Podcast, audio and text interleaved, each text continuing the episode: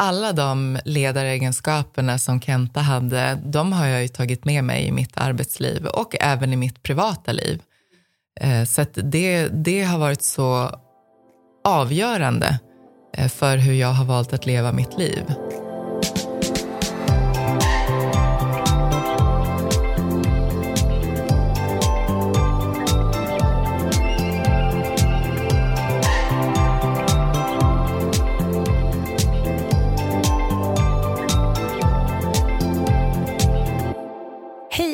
Välkommen. Du lyssnar på podden med målet i sikte. Jag heter Lisa Gustafsson. Och jag heter Charlotte Olsson. Den här podden handlar ju om hur vi kan nå våra mål, vad det än må vara, men också kanske att eh, ta sitt nästa steg i livet, i stort som smått. Och eh, idag så kommer vi prata om förebilder och ibland så kanske är så att man behöver en förebild för att kunna ta sitt nästa steg. Mm, om inte annat kan man se till att bli inspirerad av hur mina förebilder lever sitt liv. Idag ska vi träffa Beatrice Clark. Hon hade en väldigt tuff uppväxt utan några som helst förebilder. Hon kände sig väldigt ensam och utsatt. Och eh, hon hade svårt att tro på sig själv. Men en dag så dök det upp en person i hennes liv och nu ska vi få höra hennes historia. Välkommen hit Beatrice Clark. Tack. Hur mår du?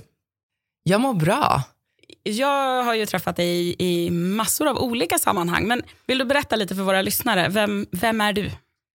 Jag heter Beatrice Clark. Eh, jag eh, arbetar med sociala hållbarhetsfrågor och har gjort det i snart 23 år. Jobbade 20 år på Fryshuset med barn och ungas sociala frågor, framförallt med barn och unga som var på väg in eller redan befann sig i utanförskap.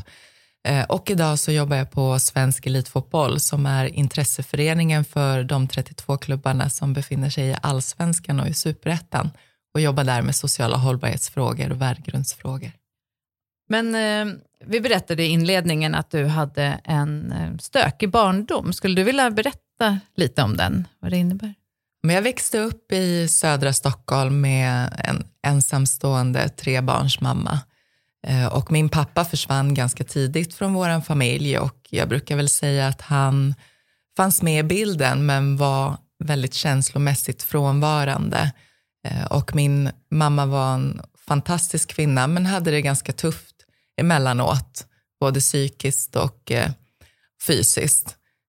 Och det påverkade ju oss barn såklart och det är ganska stor åldersskillnad mellan mig och mina syskon. Jag var yngst och jag kände mig väldigt ofta väldigt ensam eh, och väldigt övergiven och hade det tufft i skolan och eh, gjorde mig själv till en liten outsider där jag lärde mig väldigt tidigt att bli bäst på att vara sämst. Då jag kände att jag inte passade in någonstans och inte fick mina behov tillgodosedda så som att bli sedd, hörd, lyssnad på och bekräftad och framförallt att jag inte kände mig älskad. Mm. Hur gav det sig uttryck då? Hur, hur visade det sig, dina de här känslorna? Ja, men jag, hade, jag hade det ganska svårt att hänga med i skolan, vilket gjorde att jag blev utåtagerande. Jag störde ganska mycket på lektionerna eh, och jag var väl ett sånt här barn som vuxna sa att jag är jobbig. Eh, och eh, det kommer bli svårt att, att bli någonting. Eh, och det lärde mig ju ganska tidigt när jag kände att jag inte hade vuxnas stöd. Eh, och gick väl in i den rollen. Om jag inte får vara i ett bra sammanhang och kan få vara bra och eh, känna mig bra, då kan jag lika bra förstöra. Mm. Um, och, och, så att säga lyckas med det i alla fall. Alltså liksom att lyckas då var jag förstöra. i alla fall någonting. Ja. Den stökiga perioden, om man säger, när du hade den här rollen som, ja, som stökig tjej, hur, länge, hur högt upp i åldern sträckte den sig? Ja, men jag, jag tror att när jag var ganska liten, när jag gick i låg och mellanstadiet, så förstod jag inte riktigt att jag var stökig. Jag tyckte nog att jag var ganska rolig, eh, vilket inte mina lärare uppfattade det som.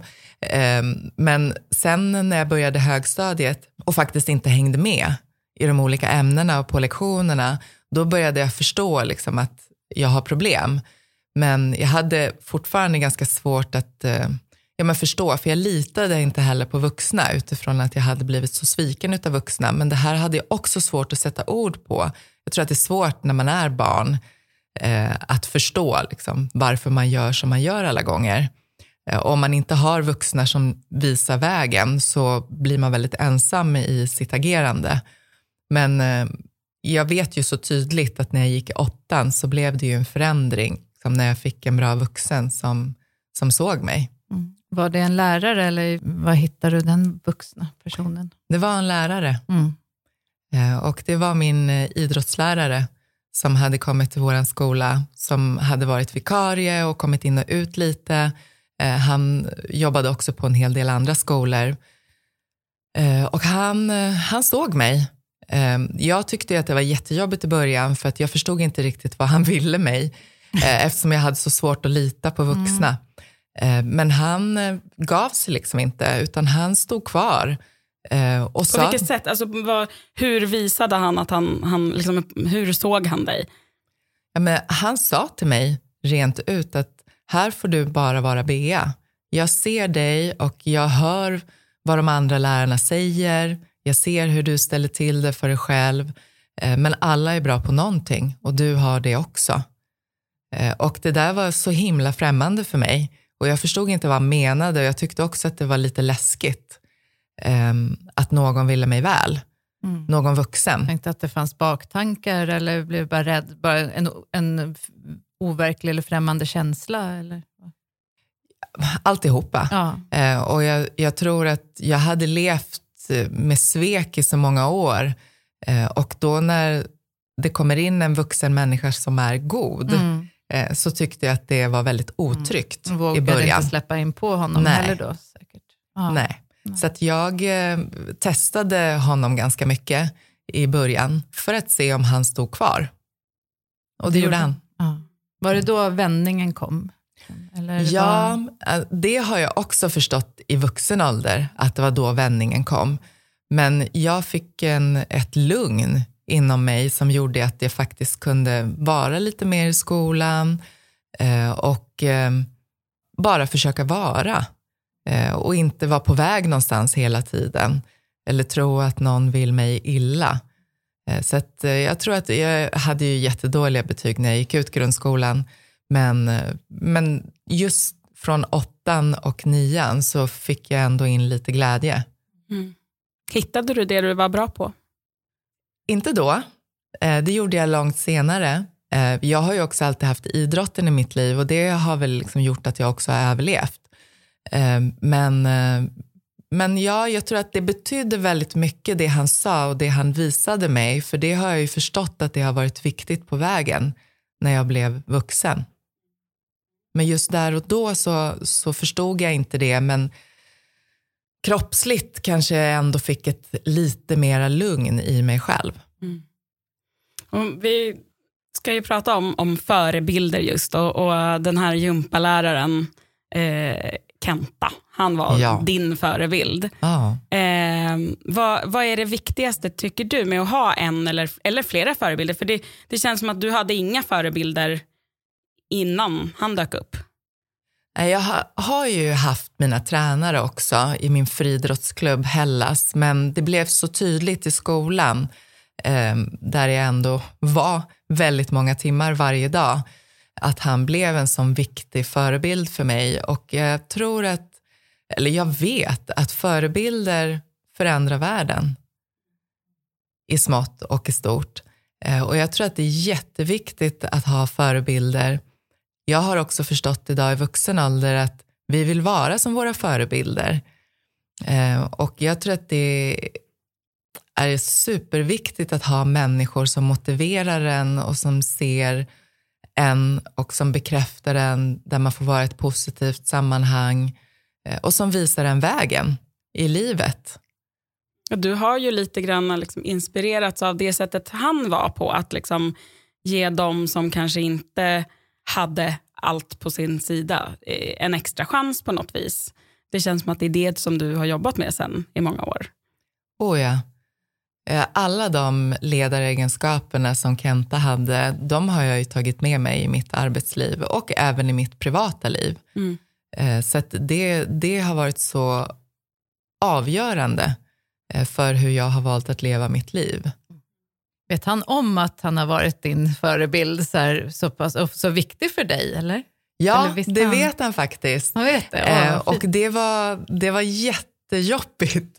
Eh, Kenta Olsson spelade ju i Hammarbys A-lag och är ju liksom en ikon i Hammarby eh, fotboll. Och eh, när Hammarby invigde sitt nya klubbhus, nu kommer inte jag riktigt ihåg, jag tror att det kanske var 2018, eh, då var jag där eh, och då var Kenta också där och det visste ju jag. Eh, och ni hade inte träffats sen skoltiden då? Nej. Nej. jag hade inte träffats sen skoltiden. Så när han, han slutade spela eh, proffskarriären så blev han, eh, då, ble, då var det han som var gympaläraren helt enkelt. Nej, han jobbade som gympalärare under sin proffskarriär Aha. också. Så att det var också det som var så fascinerande för mig att här har jag en, en gympalärare som också spelar i Hammarbys A-lag som är professionell fotbollsspelare och som vill mig väl. Varför Ah. vill han det? Ah. Det var så otroligt stort. Mm. Eh, så att, eh, så att jag hade inte träffat honom sen jag kom, ja, kom dit till den här invigningen av Hammarbys nya klubbhus på Årsta IP och eh, bestämde mig där och då att jag behöver tacka honom. Eh, så att han satt där med sin bror Billy som också är en eldsjäl, som också har gjort det här arbetet för så många barn och unga som har haft det tufft. Eh, så att jag gick fram till, de satt ju med, sina familjer, med sina respektive. Eh, så att jag gick fram till Kenta och bad att få prata med honom och berättade för honom vilken otroligt viktig förebild han var för mig när jag växte upp och när jag gick i skolan. Han blev ju väldigt glad, det blev ett tårkalas Ja. hos båda där. Det håller på att bli här också. ja. Eh, Så att vi satt och pratade en lång stund eh, eh, där och då. Och det var ett väldigt, väldigt fint möte. Men för mig var det väldigt viktigt att tacka honom.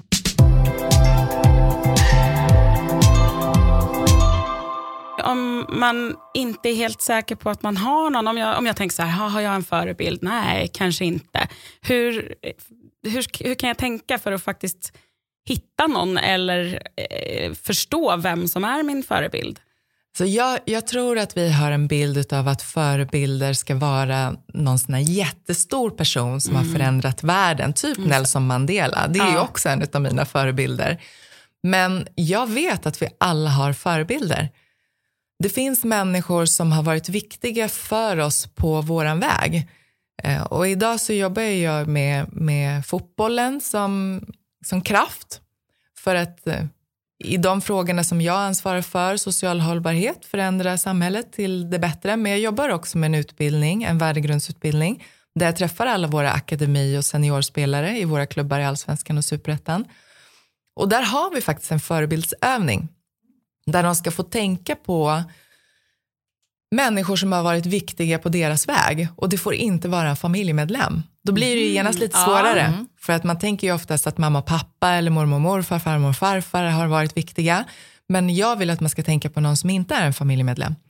Och då får de tänka lite och sen ska de dela med sig i den gruppen de sitter i. Och det blev väldigt, väldigt fina berättelser. För det är alltid någons mamma eller pappa som har skjutsat till träningarna. Det kan vara en fritidsledare. Det kan vara en tränare många gånger. Det kan vara mm, i stort sett vem som helst. Och det jag vill att de ska berätta för mig, förutom att de ska dela med sig om vem den här personen är, det är egenskaperna.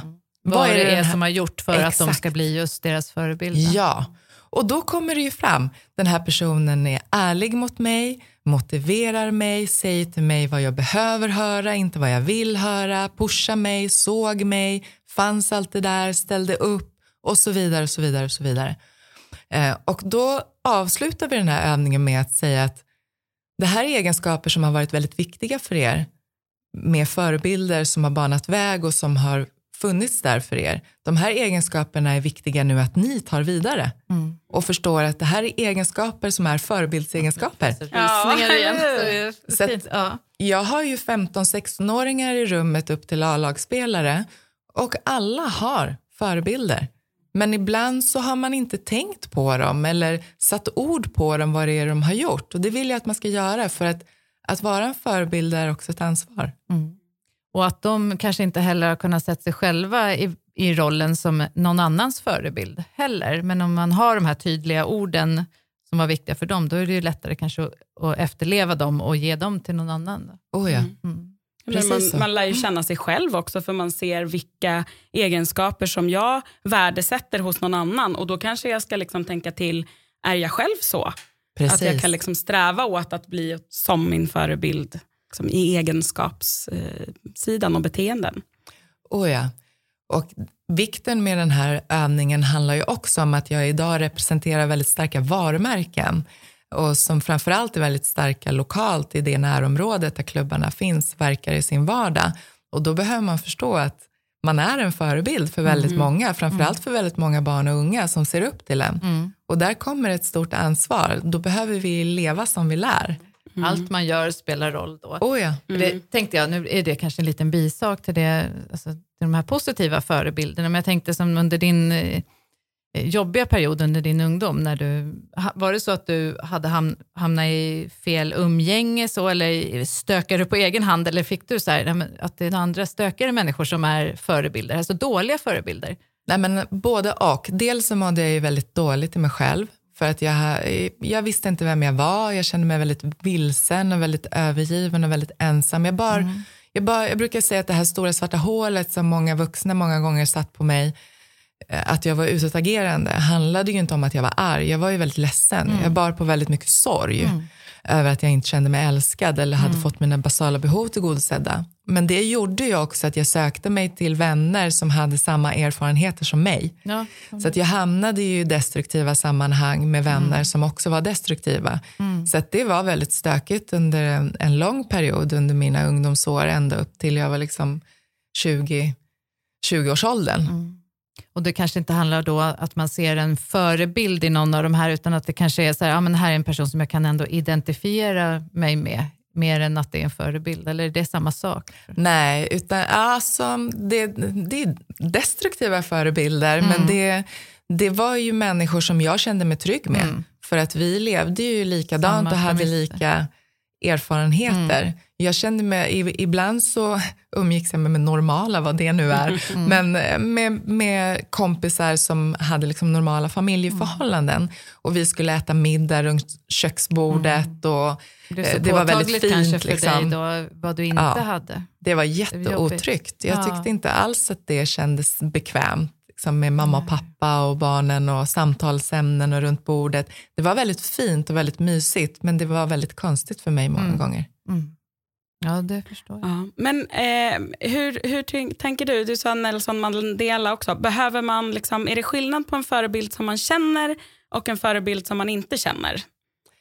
Men egentligen tycker jag inte det, men det är ju såklart eh, att eh, kända människor som är förebilder eller som man ser som sin förebild kan ju motivera och inspirera en utifrån var man befinner sig någonstans. Om man mm. har någon position på sitt arbete eller om man vill nå vissa mål.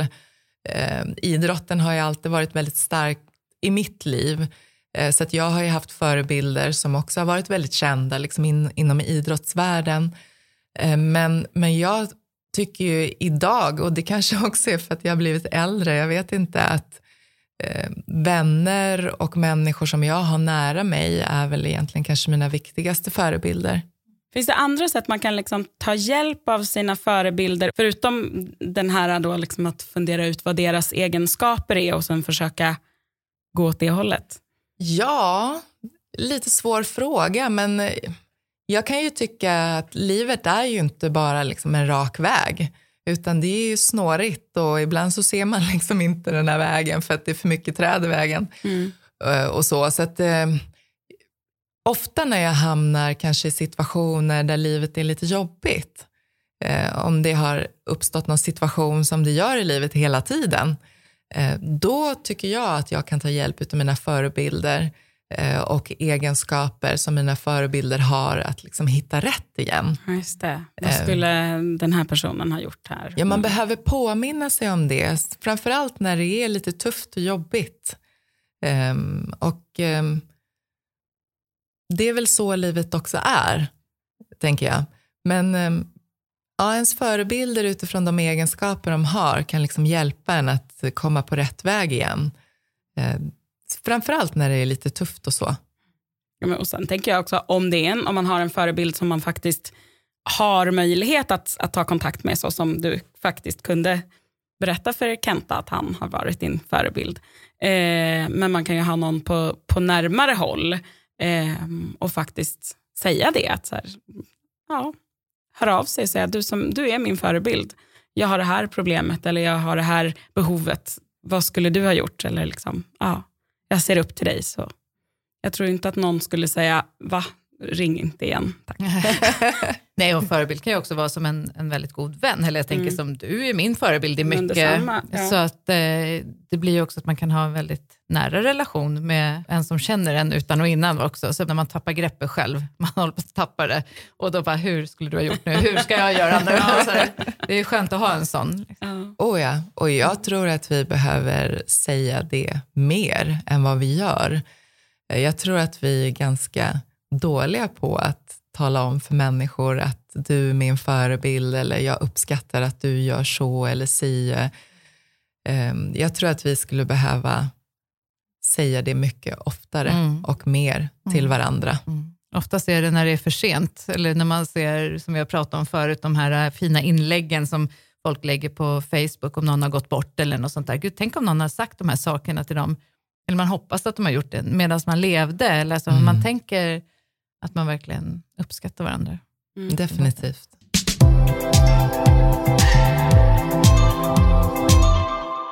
Är du någons förebild nu?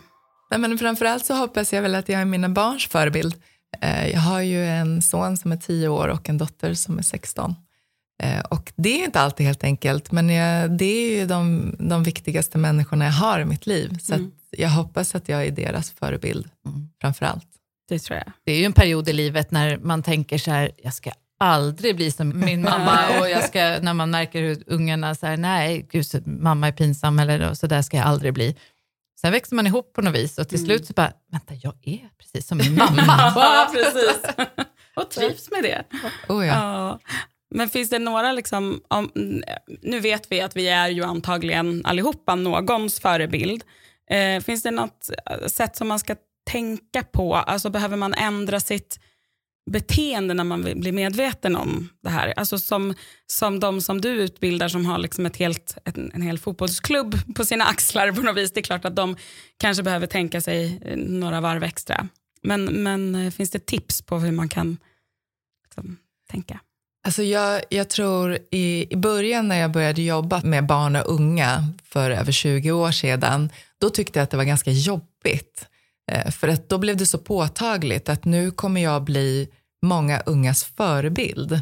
Eh, och så att nu måste jag vara på ett visst sätt, jag måste säga rätt saker och jag måste bete mig på rätt sätt. Och vad är det egentligen? Kände du att du inte hade det i ryggsäcken med dig då? Var du orolig för det? För jag tänker ja. Från... Nej, men jag, jag var nog, jag, jo men jag var orolig för det och jag ville liksom vara perfekt. Det skulle mm. liksom vara mm ja, bokexempel. Mm. Eh, men sen så eh, växer man ju till sig och man blir äldre och man hinner landa, man lär sig, man får mer verktyg i den här verktygslådan.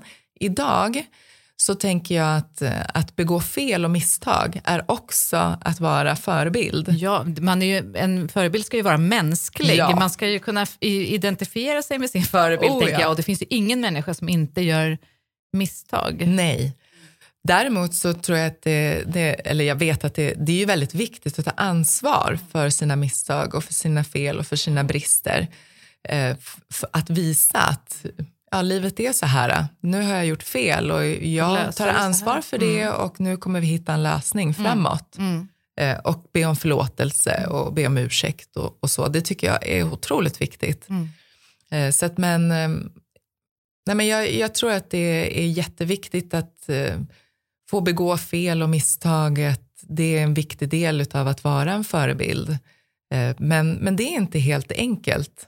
Eh, jag har tyckt att det har varit svårt, men jag tror att ju äldre jag har blivit så har jag liksom landat också i att, eh, att vara en förebild är också att men vara mänsklig. Mm. Mm. Verkligen. Livet tänker... är inte svart eller vitt. Nej, Vi lever ju oftast mm. i en gråzon mest hela mm. tiden. Ja. För jag tror de som bara visar upp den här perfekta fasaden som vi pratar om på Instagram-kontona eller att man alltid bara utåt ska vara så perfekt. Så det blir ju inget förtroende för den människan. om man, säger, om man har en sån som förebild, då får man ju oerhört jobbigt att försöka leva upp till en människa som man tror är perfekt. Jag tänker för våra Mm. Oh ja. ungdomar. Så. Nej, Men och jag har också alltid varit väldigt noga med att berätta för unga som jag har mött att jag har mina erfarenheter från mitt liv och sen har jag byggt på min verktygslåda med att ha studerat i ganska många år. Eh, men här har vi ett samarbete där jag kommer lära mig jättemycket av dig för att du är unik. Du är din egen individ, unga människor är ingen homogen grupp. Så att jag kommer lära mig jättemycket av dig och du kommer förhoppningsvis lära dig av mig och tillsammans kommer vi göra ett arbete framåt. Så att jag, jag kan visa vägen men jag vet inte vart den leder. Så jag visar dig att den finns där. Det är ett citat från Anders Karlberg eh, som grundade Fryshuset och det är också en devis som jag har jobbat efter. Och bara få höra det som ungdomarna är lite vilse, måste ju också vara så här, "Oh, men gud, här räknar de med mig, de inkluderar mig i min resa, eller vi gör det här. Man Det är inte sätter en tilltro på att jag klarar någonting. Bara få höra de orden måste ju vara ett, verkligen att få en person att börja växa.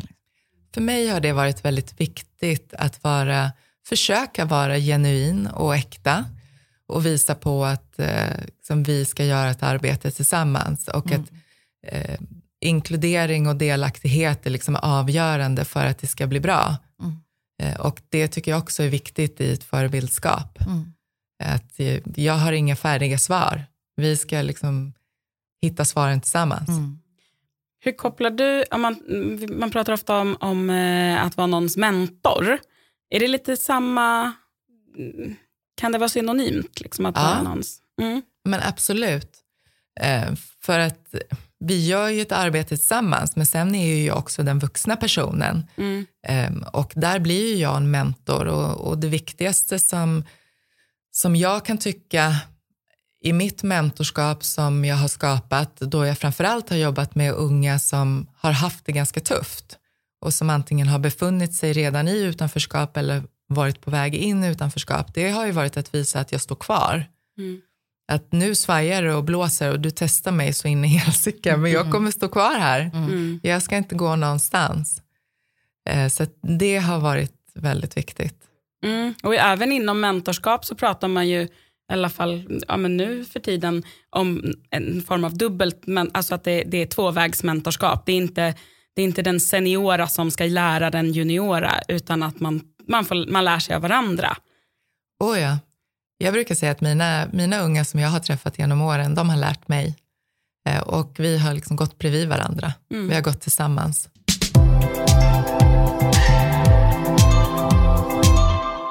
Om man vill bli någons förebild, men, men inte är säker, liksom att så här, hej, det, det är ju inte sådär att man kan gå in på förebild.se och anmäla sig.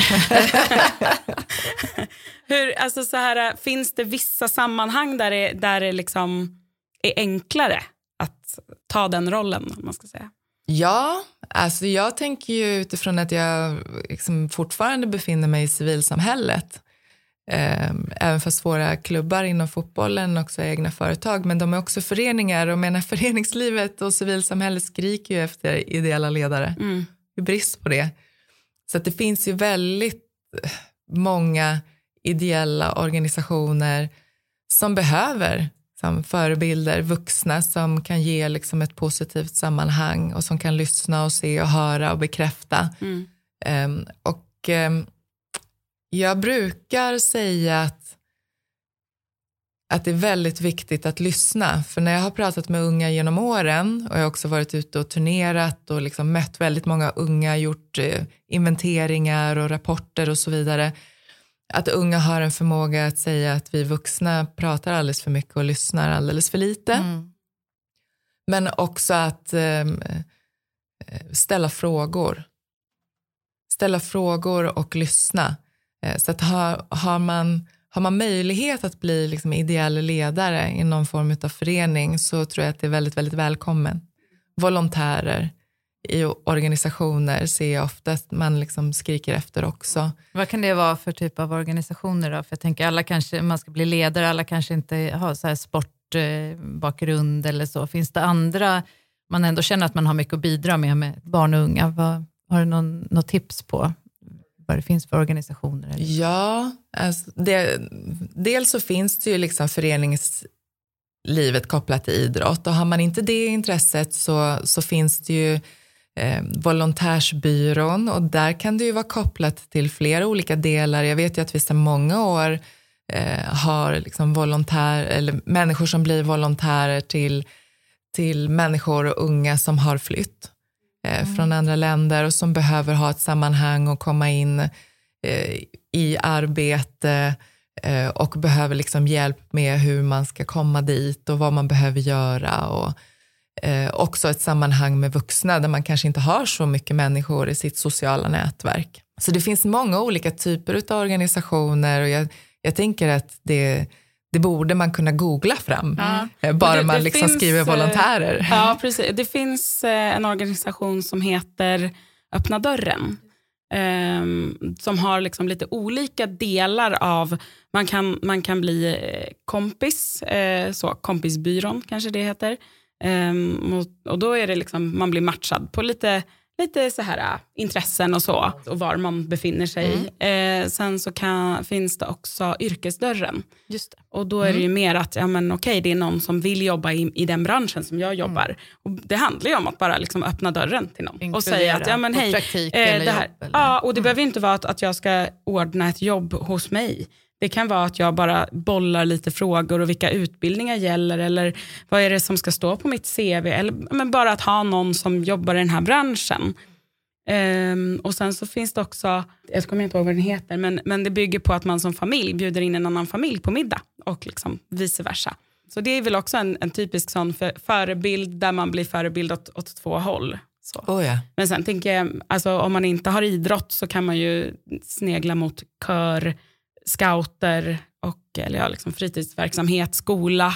Eh, det är nog där jag upplevde att jag liksom för första gången förstod att så här, jag verk, det är nog så att, någon, att de här barnen eh, lyssnar på mig när jag jobbade liksom på, ja, men i, i förskoleklass och i, i, eh, på fritids. Och sen var jag också fotbollstränare. Det har jag också förstått liksom, i, på äldre dagar när jag träffar de här liksom, 25-åringarna nu som är så här, åh, där är du. Jag tänker så här, de känner inte igen mig, men jo. Ja, det, det oj vad de, de oh, minns ja. allt. Jag bara, jaha, vad roligt. Och, och, men det är också lite sådär, så här, shit, jag hade kanske behövt förstå då hur viktig jag var på något vis. Det jag märker är, jag är ju jobbcoach och många av mina arbetssökande som kommer, eller många, men jag har en hel del som har kommit från tuffa förhållanden bakåt och haft ja, men riktigt tufft, tufft förflutet. Och det jag märker när de börjar söka jobb, att många av dem vill ju jobba med ungdomar i utsatta miljöer eller ja, med fritidsledare eller socialpedagoger eller någonting. Att de kan ju ungdomarnas språk, de kan miljön, de har en förståelse, men också kunna vara den här som, så här gjorde jag, leder framåt. Det verkar ju finnas en väldigt stark vilja då, när man har en bakgrund och, och tagit sig ur det, att faktiskt vara tillbaka i en annan roll. Så. Ja, men det tror jag. Eh, för mig har det definitivt varit så, men det har också varit viktigt för mig att studera. Mm. Eh, att få liksom verktyg och inte bara jobba med mina erfarenheter. Mm. Eh, för det har också varit en viktig lärdom för mig att mina erfarenheter är otroligt viktiga. Mm. Och det är en viktig kompetens att mm. kunna liksom se. Tecken, mm. att ha vissa nycklar, att kunna förstå. Ja. Mm. Eh, inte acceptera beteenden eller olagligheter, men att kunna förstå mm. varför. Mm. För att bakgrundsfaktorerna mm. eh, är så otroliga viktiga. För att många gånger så attackerar vi bara symptomen. Och det finns bakgrundsfaktorer till varför man agerar som man gör. Och de har, de har jag ju med mig, mina erfarenheter. Men till det har varit viktigt också att studera för att få liksom, den teoretiska kompetensen, att få ihop den med mm. verktygslådan mm. erfarenheter. Mm. För att kunna eh, hjälpa framåt.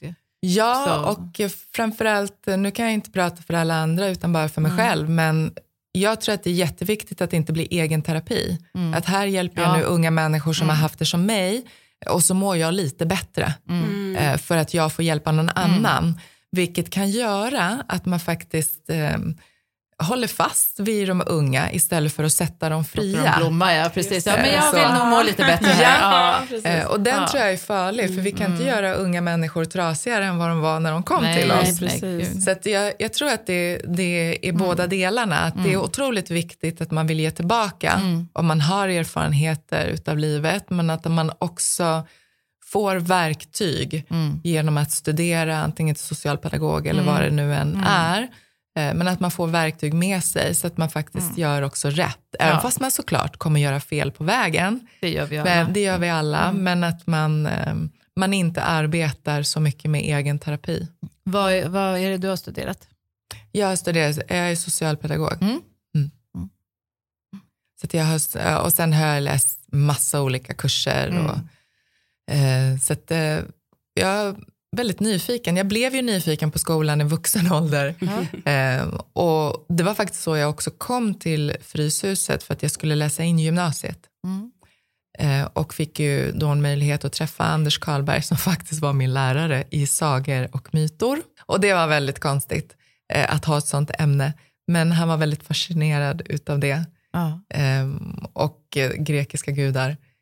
Men eh, i det så, så förstod jag att jag har kompetens eh, utifrån mitt liv eh, och eh, blev intresserad av att studera och läste in gymnasiet, gick ut med högsta betyg i Mm. alla ämnen och förstod att jag faktiskt kanske inte är så himla dum. Nej. Nej. Tänk vad miljön och omgivning och så kan påverka Ja. barn och unga. Men vad, Mm. Engagerade lärare. ja. Mm. Och tänk att det kan räcka med en enda person Oh ja, som eh, finns där för att rädda en människa. Definitivt. Mm. Men om du kan ge någon, någon liksom sista så här, äh, tips om man har en person som, som kanske söker ett jobb eller, eller har ett jobb men liksom vill mot ett specifikt mål. Så. Hur, kan man liksom, hur kan man använda sina, hur kan man hitta förebilder och, och liksom ta verkligen så här de här viktigaste nycklarna för att ta sig mot sina mål? Och Lisa, vilken svår fråga. Ja, det är vår sista kuggfråga här. För. Ja, ja, hur ska man nå sina mål med hjälp av sina förebilder? Men där skulle man ju kunna kanske titta på så här, vad, vad vill jag jobba med? Vill jag då bli, ja men säg nu att som jag hade för ett tag sedan, en kille som ville bli socialpedagog. Att man söker upp andra socialpedagoger, det går ju att hitta. Och bolla och prata och kanske be om någon form av mentorskap eller förebildskap om det är lite lika. Ja men absolut, det är ju en jättebra väg att gå. Jag hade ju ingen aning om att jag ville jobba med sociala frågor innan jag kom till Fryshuset. Jag hade ju liksom gjort allt annat än att jobba med sociala frågor. Men eh, när jag väl kom dit och såg hela arbetet som man gjorde med barn och unga och förstod att jag hade kompetens utifrån mina erfarenheter och började studera, då är det såklart att jag har haft förebilder på den vägen eh, och frågat och gått bredvid. Eh, det är inte alltid så enkelt eh, att fråga någon om man får liksom gå bredvid eller fråga, sitta ner och fråga massa frågor kring kanske ett yrke som man skulle vilja eh, arbeta med. Men eh, jag tror att vi behöver bli lite modigare och våga fråga. För jag tror precis som du säger, det är ingen som skulle säga nej. Jag tror tvärtom att man skulle bli väldigt glad Ja. och ge en timme av sitt liv till en människa som vill försöka uppnå sitt mål. Eh, Så att, eh, det, det är ju jättebra idé att försöka, om man, om man vet vad man vill göra, eh, att fråga någon som, som befinner sig där. Eller bara, nu låter det jätteytligt och opersonligt, men connecta med någon på LinkedIn eller ja, kontakta Oh, på ja. något sånt sätt också. Ja men absolut, nu kommer jag ju på massor med saker nu när vi pratar Ja, men det är om det som är så bra, man börjar det- bolla och brainstorma lite. Ja, men jag har ju en hel del studenter som pluggar sport, business eh, eh, och, eh, och andra delar inom idrott, idrottspsykologi och så vidare som ställer frågor till mig. Mm. Eh, Unga studenter som jag tycker att det är viktigt att svara på Mm. eh, och ge lite av min tid för att det kan vara så otroligt viktigt för någon annan på deras väg. Mm. Och också komma ihåg, ja men hon gav faktiskt en timme Och man sin tid till mig. Och, alltså, de som frågar känner ju också att man är värd att, att lyssna på eller få tid att fråga frågor. Och, ja. Mm. Så att vi lever i en sån stressad tid så som det är. Så att, Mm. nej, men jag tänker att det är viktigt att svara Mm. och ge tid. Så LinkedIn är också ett, ett bra sätt Mm. om man har hittat vad man vill göra, att ställa frågor till de personerna som befinner sig i de Mm. yrkena. Mm. Definitivt. Ja, det kan ju vara vägen in på ett jobb också. Ja. Mm. Men du, eh, har du eh, några mål? Ja, men, ehm, jag har ju ett ständigt mål att försöka göra samhället lite bättre. Det är därför jag har vikt hela mitt liv till att jobba med sociala frågor. Men så har vi ju befunnit oss i en pandemi och det har ju ställt till det under två år nu ehm, i mitt huvud om vad som är viktigt, vad man ska fokusera på. Och jag är fortfarande väldigt inne på att förändra samhället till det bättre och göra det jag kan för att bidra till det. Men också blivit mer medveten om att eh, ett mål är att försöka ge mer tid till barn och familj och vänner. Att vara mer närvarande och att liksom verkligen, verkligen ta tillvara på, på nuet.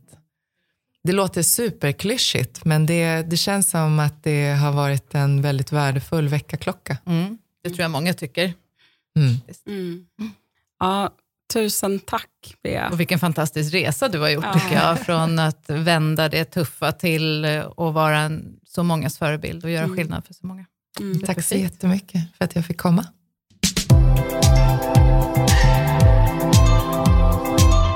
Ja, förebilder är ju otroligt eh, viktigt. Och eh, då, den här övningen som Beatrice eh, pratade om, som hon gör, tänka ut en förebild som man har och vilka egenskaper den personen har. Och sen eh, kunna applicera det på det man gör själv och se så att man själv kan bli en förebild. Visst var det så hon gjorde? Det var så hon gjorde. Och man fick Mm. inte, eller fick, men, men helst skulle man väl ta någon som inte tillhörde ens närmsta familj. Mm. Jag tänkte ju direkt, så här, vem är min förebild? Ja, men det är ju min mormor. Eh, men jag, jag behöver fundera lite på någon utanför familjen. Alltså jag har nog säkert massvis med förebilder, men sen ibland kan det vara att det liksom, man har en förebild på jobbet, eh, yrkesmässigt, och sen kanske man har någon annan förebild eh, privat, eller någon som, ja men, så här, men den där personen tycker jag är rolig och härlig och eh, ser positivt på allt. Eh, så att man, man kanske inte måste liksom tänka att jag har en förebild. Nej, utan det kan vara just en specifik egenskap man tycker en person har, som man ser upp till. Den skulle jag vilja ha, eller den vill jag också förmedla. Ja, men precis. Men bara att, att liksom fundera ut vem eller vilka är mina förebilder och vad har de för egenskaper? Och sen så försöka se, har jag själv de egenskaperna eller kan jag, kan jag öva upp de egenskaperna? Och vara en förebild för andra. Ja, precis. Så eh, läxa till nästa gång, ut och var någons förebild Ja. med briljans. Tack snälla för idag och hör jättegärna av er. Eh, Instagram, mejla eller eh, Leta upp oss eh, via hemsidan iris.se. Vi hörs igen om två veckor. Hej då! Hej då!